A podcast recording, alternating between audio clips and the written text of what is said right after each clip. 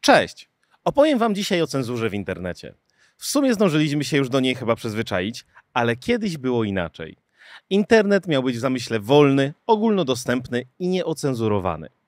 Twórcy chyba nawet nie podejrzewali, że ocenzurowanie go jest w sumie możliwe.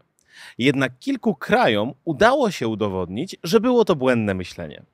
Wykorzystano założenia projektowe zdecentralizowanej sieci, aby ruch pomiędzy krajami ograniczyć do kilku przejść granicznych i na nich postawić swoje barykady lub prowadzić inwigilację. W ten sposób ogranicza się dostęp nie tylko do dystrybucji plików przy naruszeniu praw autorskich czy do serwisów dla dorosłych, ale także uniemożliwia się dostęp do wolnych mediów czy informacji. Często zresztą tych niesprzyjających władzy. Problem dotyka też komunikatorów. Warto też wspomnieć na początku, czym ten materiał nie będzie. Nie będzie na pewno rozmową o cenzurze przez różne korporacje będące właścicielami portali społecznościowych, czy też usuwaniu postów, które nie zgadzają się z ogólno przyjętą narracją na tematy kontrowersyjne. Niestety ten materiał będzie też zahaczał w wielu miejscach o politykę, ale to w głowach polityków i innych lobbystów powstają pomysły, o których dziś opowiem. Cenzura nieodłącznie związana jest z polityką, więc nie da się tych kwestii od siebie oderwać. Jak to z tą cenzurą internetu właściwie jest, tak w Polsce, jak i na świecie? Jakie metody stosuje się na takim technicznym poziomie, aby ograniczać dostęp do informacji? I czy w internecie każdy ma prawo do tego, żeby po prostu być idiotą? Zapraszam.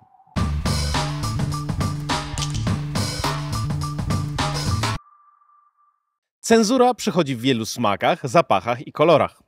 Badania w tym zakresie przeprowadziła m.in. firma Comparitech i głównie na tych danych, choć nie tylko będę się opierał. Link znajdziecie oczywiście w źródłach w opisie materiału. Jakie więc w sumie metody stosuje się na takim technicznym poziomie, aby cenzurować dostęp do informacji w internecie? Aby o tym opowiedzieć, posłużę się chyba najbardziej oczywistym przykładem. Na scenę zapraszam wielki chiński firewall. Cóż, nie jest żadną tajemnicą, że najlepiej rozwinięte mechanizmy związane z kontrolą dostępu do informacji w internecie mają Chiny. Lata praktyki sprawiły, że aktualnie państwo środka dla wielu krajów chcących wprowadzić cenzurę internetu stało się wręcz modelowym przykładem wykorzystania technologii z tego zakresu. W związku z tym stali się eksporterem takich rozwiązań, na przykład na Kubę czy też do Białorusi. Ale co w sumie ten wielki chiński firewall może zrobić? No, dość sporo. Zresztą o wielu mechanizmach nie mamy i pewnie jeszcze długo nie będziemy mieli pojęcia. Wiemy natomiast, że może blokować nie tylko całe serwisy internetowe, ale też konkretne podstrony. Jest w stanie filtrować wyniki wyszukiwania, robiąc to na bieżąco, w locie, co oznacza, że jest w stanie blokować niewygodne dla władzy treści już w trakcie, kiedy jakieś wydarzenia z tym związane mają swoje miejsce. Warto jednak zwrócić uwagę, że nie byłoby to możliwe albo przynajmniej znacznie trudniejsze, gdyby nie fakt, że władze w Chinach kontrolują całą infrastrukturę sieciową, a więc wszystkich dostawców internetu, telekomy, a tym samym też połączenia ich wewnętrznej krajowej sieci szkieletowej z resztą świata. Szacuje się, że takich bram jest jedynie około 10, a więc stosunkowo niewiele, biorąc pod uwagę populację i wielkość Chin. Tym samym muszą mieć naprawdę niewiarygodną przepustowość.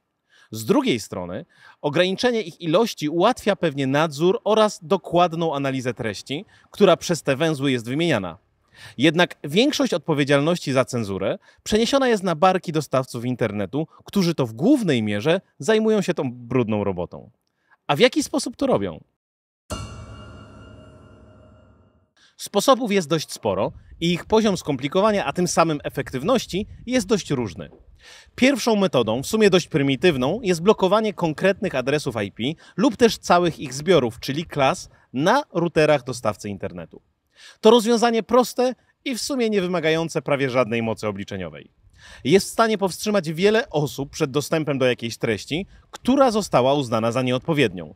Jednak to opcja atomowa, na danym adresie lub też ich zakresie może mieć swoje miejsce zdecydowanie więcej usług niż tylko ta, do której chcemy uniemożliwić dostęp. Z drugiej strony adres IP usługi można w miarę łatwo od strony dostawcy treści zmienić, więc jest to taka zabawa w myszkę, no i mało skłonnego do śmiesznostek kotka.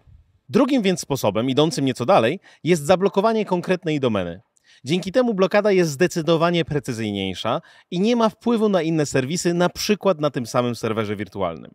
A jak to się robi? Podmienia się w lokalnych serwerach DNS, tłumaczących domeny na adresy IP zrozumiałe dla komputerów, adres docelowy. Nazywa się to fachowo zatruwaniem DNS-ów. Efekt tego jest taki, że jeżeli ktoś w Chinach wpisze adres Facebooka, to pewnie zamiast na portal szanujący w pełni prywatność swoich użytkowników, trafi na jakąś rządową stronę. Ale to nie wszystko. Stosując wyrażenia regularne, czyli takie filtry, chińscy regulatorzy są w stanie wyłapywać w nazwach domen zabronione frazy i dynamicznie blokować pewne serwisy proaktywnie. Teoretycznie radą na to jest zmiana serwera DNS na taki zlokalizowany w mniej cenzurowanej części świata. Niby tak, ale władze w Chinach blokują dostęp do zewnętrznych DNS-ów. Stosowany jest też mechanizm filtrowania słów kluczowych, który idzie o krok dalej. To nie tylko działa na poziomie adresów różnych serwisów, ale także na warstwie ich treści. Czyli analizowane są słowa zawarte w danej stronie, czy też w treści komunikacji pomiędzy konkretnymi użytkownikami.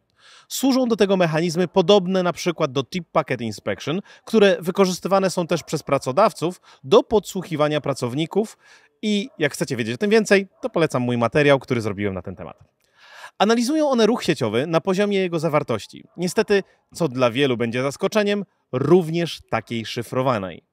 Działają w Chinach najprawdopodobniej na routerach brzegowych dostawców internetu, ale tak do końca to nie wiemy. I jeżeli ten mechanizm wykryje jakąś niemile widzianą wiadomość, to po prostu przerywa połączenie.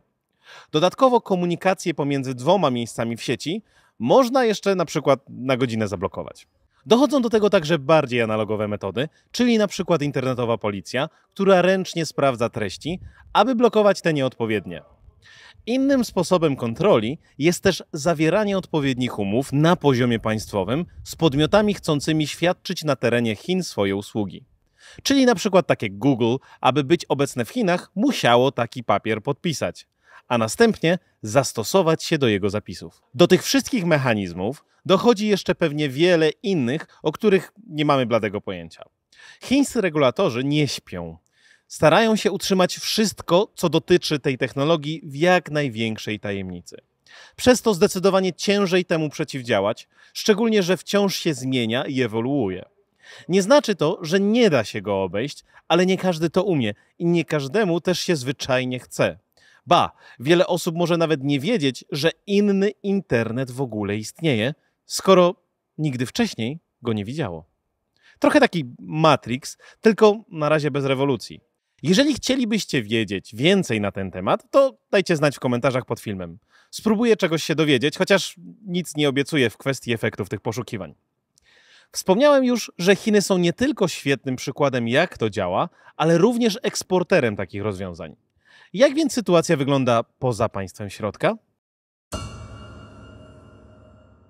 Z cenzurą internetu na świecie, niestety z roku na rok jest statystycznie według wielu raportów coraz gorzej. O ile liderzy pozostają od lat niezmienni ci sami i razem z Chinami dumnie piastuje to miejsce ta lepsza Korea, to nie tak wcale daleko za nimi jest na przykład Białoruś, wiele krajów arabskich czy też Tajlandia. A jak sytuacja ma się nad Wisłą? Z prawnego punktu widzenia jakakolwiek cenzura prewencyjna jest zabroniona i to na poziomie konstytucji. Mówi o tym artykuł 54.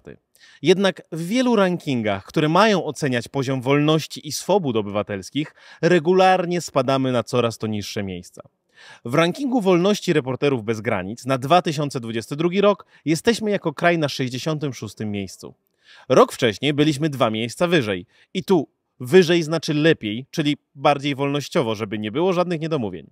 A więc nie tylko poziom cenzury rośnie na całym świecie, ale u nas rośnie szybciej niż u innych. Skąd takie wnioski? Z końcem lutego tego roku rozpoczęto szersze blokowanie przez operatorów telekomunikacyjnych wybranych serwisów internetowych na zlecenie Agencji Bezpieczeństwa Wewnętrznego. I tutaj oburzenie. Jakim prawem?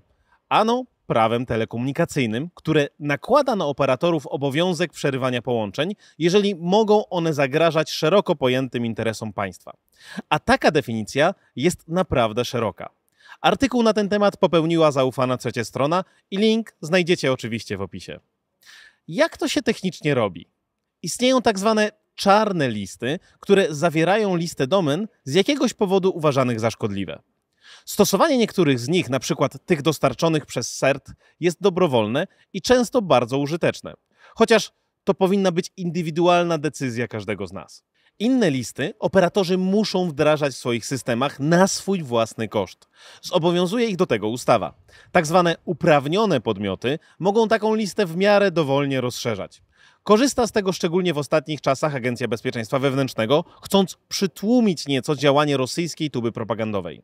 Tak z terenów Rosji, jak i niestety z wewnątrz naszego kraju. O ile propaganda agresora słusznie budzi szeroki sprzeciw, o tyle jest to spory problem w kwestii wolności. Lista ta niestety nie jest jawna, a służby mimo wielu próśb jej opublikowania odmawiają do niej dostępu.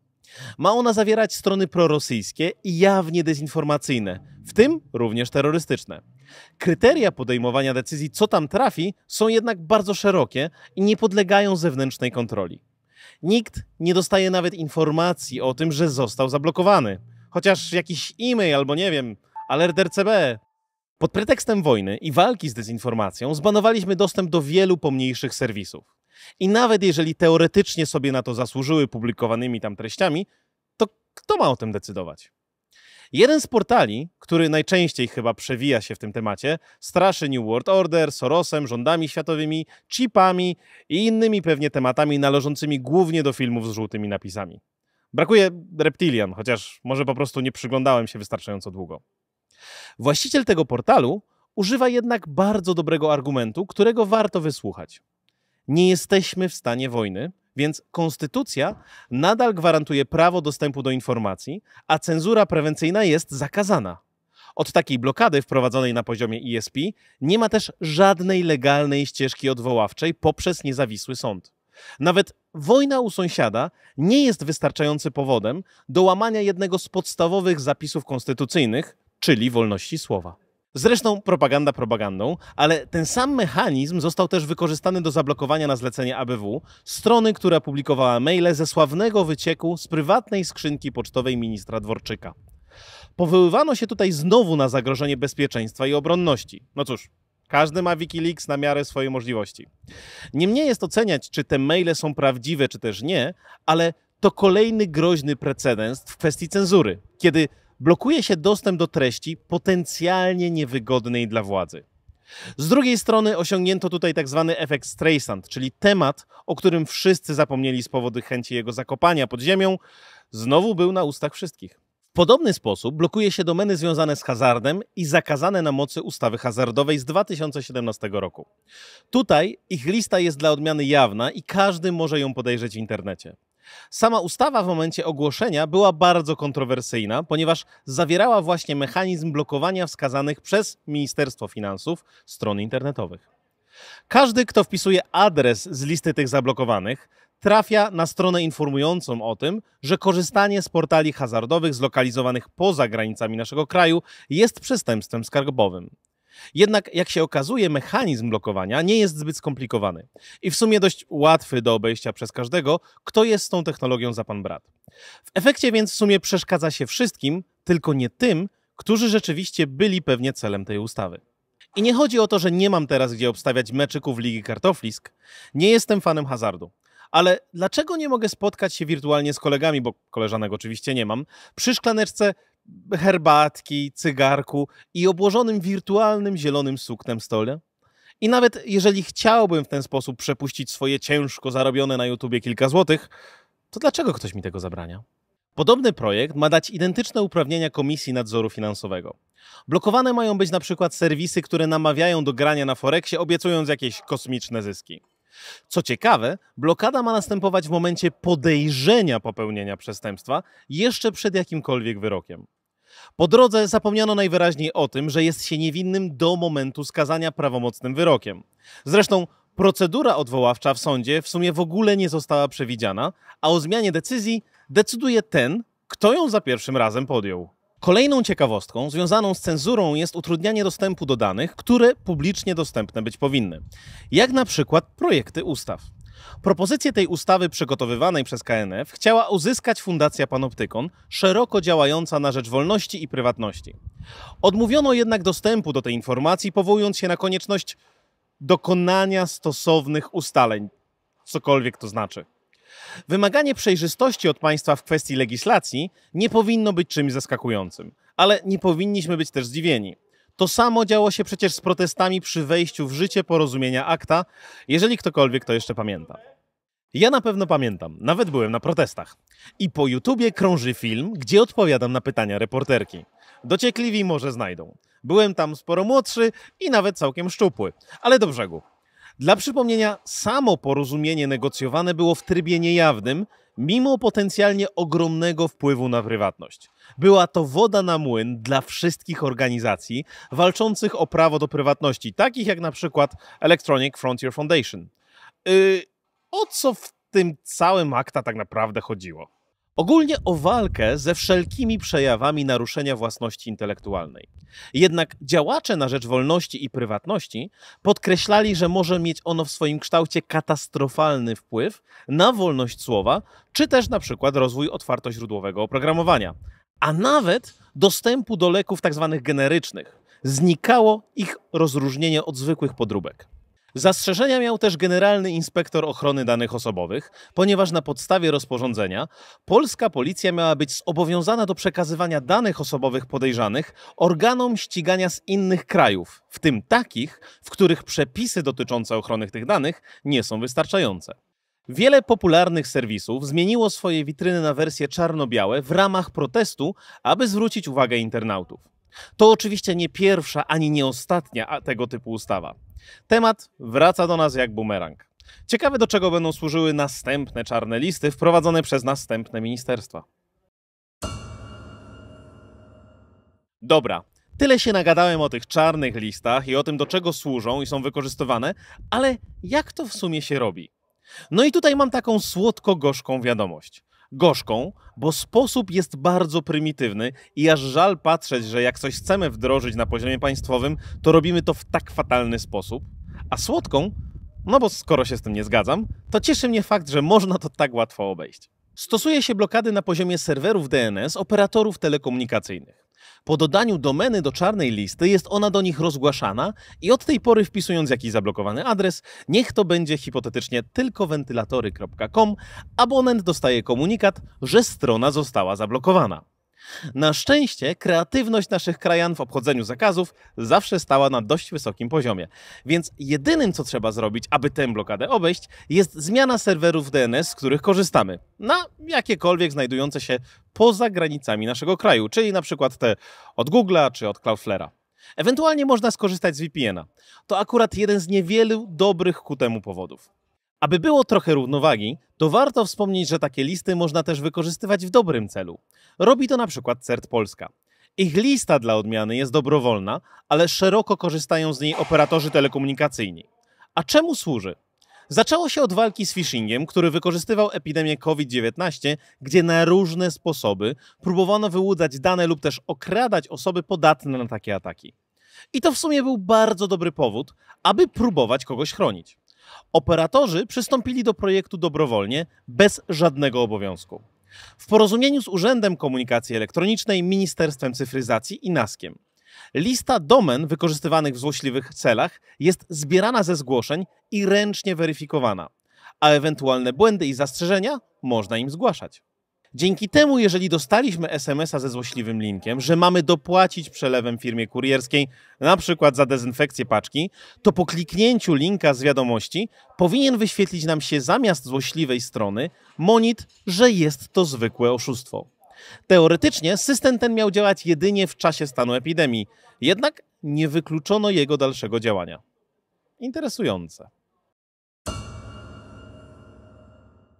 Okej, okay. A może by tak stanąć na chwilę po drugiej stronie barykady i zostać adwokatem diabła? Może cenzura w pewnym zakresie jest tak naprawdę dobra i pomocna? Przecież nielegalne, rozpowszechniane treści szkodzą wszelakim twórcom. Część rzeczy, które zobaczycie w internecie, może być nieodpowiednia, co co najmniej powiedziane, dla nieletnich. Do tego mowa nienawiści, która nawołuje do zrobienia komuś krzywdy, może przenieść się dość łatwo z ekranu na ulicę i trzeba ją w jakiś sposób ograniczyć. Nie można też zapominać przecież o kwestiach zagrażających bezpieczeństwu całego państwa. No, ten kawałek jest akurat oczywisty.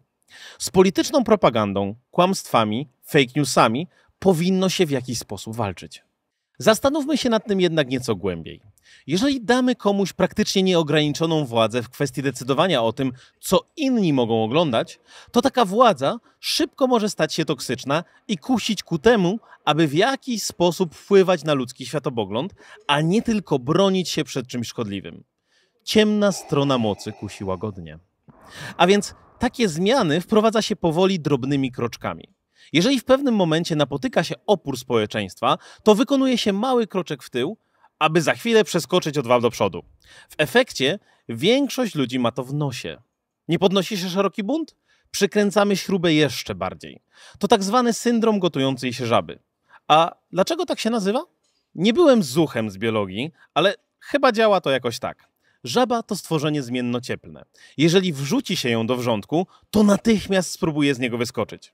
Jeżeli jednak zaczniemy od komfortowej dla niej temperatury i stopniowo będziemy ją zwiększać, zwierzę nie zauważy różnicy. Aż do momentu, w którym będzie już za późno na ratunek. Ludzie często działają dość podobnie. Niewielkie, ale sukcesywne zmiany na gorsze nie zmuszają nas do działania. Orientujemy się często, że mamy problem dopiero w momencie, gdy reakcja jest zwyczajnie za późno. Takie próby cenzurowania to nic nowego. Wracają falami co kilka lat. Zmieniają się jedynie preteksty. Raz jest to obrona przed terroryzmem, potem walka z nadużyciami względem nieletnich, religia czy powoływanie się na kwestie obronności kraju. A więc, czy cenzura to coś złego? Tak. Czy szerzenie nienawiści i oszustwa i tak dalej to coś złego? Również. Ale być może dobrym rozwiązaniem problemu byłoby dać końcowemu użytkownikowi prawo do decyzji, czy w ogóle życzy sobie być przed czymś chronionym. Bo doświadczenie pokazuje, że raz wprowadzone restrykcje często są już niemożliwe do cofnięcia i zostają z nami na zawsze. Raz stworzona do tego infrastruktura aż kusi, aby wykorzystać ją coraz szerzej i szerzej. Może to też prowadzić do dość zabawnych sytuacji. W Iraku na większości jego terytorium swego czasu wyłączono dostęp do internetu, aby utrudnić kontakt ugrupowaniom terrorystycznym takim jak ISIS. Jednak, jak to zwykle bywa w przypadku cenzury, to czego się nauczono w jednym przypadku, stosowane jest później w innych obszarach. A więc zrobiono to samo dokładnie rok później. W czasie ogólnokrajowego egzaminu w szkołach wyłączono cały internet na kilka godzin, aby utrudnić komunikację. Prewencyjnie. Uczniom, żeby nie ściągali. A gdzie na przykład jest granica pomiędzy walką z hejtem a cenzurą? Czy ktoś w ogóle to wie? Czy cancel culture to jest dobry pomysł? Setki pytań bez odpowiedzi, ani daleko do bycia wyrocznią, bo nie spakowałem dzisiaj do plecaka szklanej kulki. Wydaje mi się, że w internecie, nawet bardziej niż w świecie realnym, każdy ma po prostu prawo do bycia idiotą. I bardzo boli mnie, kiedy ktoś komuś to prawo odbiera. Nie zabraniajmy ludziom być idiotami. Po prostu ich nie słuchajmy. Jednak to też nie oznacza, że nie powinno się za swoją głupotę ponosić konsekwencji, wręcz przeciwnie. Brak zgody na cenzurę nie oznacza popierania czy też nie jakiejkolwiek opcji politycznej albo jakiegoś medium. Można się z kimś bardzo nie zgadzać, ale jednak nie odbierać mu przy tym prawa głosu. To wymaga jednak wiele dojrzałości. Cytując brytyjską pisarkę Evelyn Beatrice Hall, nie zgadzam się z Twoimi poglądami, ale po kres moich dni będę bronił Twojego prawa do ich głoszenia. Co robić i jak żyć? Po pierwsze i najważniejsze, nikogo ani do niczego nie namawiam, ani do niczego nie zachęcam. Ale takie blokady mające na celu cenzurę czegokolwiek nie są przeważnie zbyt wiele warte. Ten, kto bardzo chce, i tak je obejdzie. A koszty tych rozwiązań ponosimy my wszyscy w naszych podatkach. O większym poirytowaniu w codziennym korzystaniu z internetu przez grzeczność nie będę wspominał. Aby bronić się przed naszą krajową cenzurą, przynajmniej stosowaną tymi metodami, o których mówiłem, wystarczy skorzystać z serwerów DNS nienależących do naszych operatorów telekomunikacyjnych, czyli na przykład takich dostarczanych przez zagraniczne podmioty. W zależności od tego, komu bardziej ufacie, macie kilka możliwości. Na szczycie piramidy paranoi stoi oczywiście własny serwer, ale usługi dostarczają też znane firmy. Od Google przez Cloudflare OpenDNS Home od Cisco, czy na przykład VeriSign DNS. Musicie mieć jednak świadomość, że przenosi to tylko jajka do innego koszyka, ponieważ wtedy to dostawca DNS-a będzie wiedział, jakie adresy odwiedzacie. Zresztą nie tylko on. Zapytania te wysyłane są standardowo bez jakiegokolwiek szyfrowania, więc ich podglądanie to żadna sztuka. Jeżeli chcecie tego uniknąć, możecie zastosować jeden z mechanizmów szyfrowania zapytań do DNS. Są to odpowiednio DNS over TLS, czyli DOT, oraz DNS over HTTPS, czyli DOH. Ten drugi zapewnia nieco więcej prywatności, ponieważ zapytania nie tylko są szyfrowane, ale też przesyłane w sposób, który praktycznie uniemożliwia odróżnienie ich od innego szyfrowanego ruchu związanego z przeglądaniem stron internetowych. Więcej szczegółów na ten temat znajdziecie w źródłach w opisie filmu. Aby bronić się przed cenzurą bardziej zaawansowaną niż zwykła blokada na serwerach DNS, możecie zastosować VPN-a lub Tora. Oba te rozwiązania powinny pomóc. Jeżeli jednak chcesz po prostu szybko i bez dodatkowego zachodu podejrzeć jakąś zablokowaną stronę, możesz skorzystać z serwisów pokroju proxysite.com, które tak jakby otworzą ją w Twoim imieniu z innego miejsca na świecie. Wiedz jednak, że operator tego serwisu będzie wiedział, co odwiedzasz i jakie dane przesyłasz, więc nie wchodź w ten sposób w żadne miejsca wrażliwe, czy takie, które wymagają uwierzytelniania, na przykład do banków czy na maila. Chociaż akurat banki przeważnie nawet nie pozwolą na zalogowanie się z użyciem takich usług. Czy treści zablokowane przez cenzurę zaczną się ukrywać w darknecie? Jeżeli będą coraz silniej blokowane, to pewnie tak. Warto zawczasu nauczyć się z tego korzystać. Oby jednak nigdy nie było nam to do niczego potrzebne. Rozumiem walkę z rosyjską agresją, jednak nie kosztem swobód obywatelskich. Z historii chyba każdy z nas powinien wiedzieć, jak kończy się cenzura. Tyranią. I obyśmy przy próbie zachowania balansu pomiędzy nią a rozsądkiem nie ugotowali się jak żaby. I to już prawie wszystko na dziś. Przy okazji prac nad tym materiałem mój kanał przekroczył liczbę 60 tysięcy subskrybentów i to jest wow. Serdecznie Wam za to dziękuję. Zachęcam też do zasubskrybowania tych, którzy jeszcze tego nie zrobili. Tymczasem dziękuję za Waszą uwagę i do zobaczenia.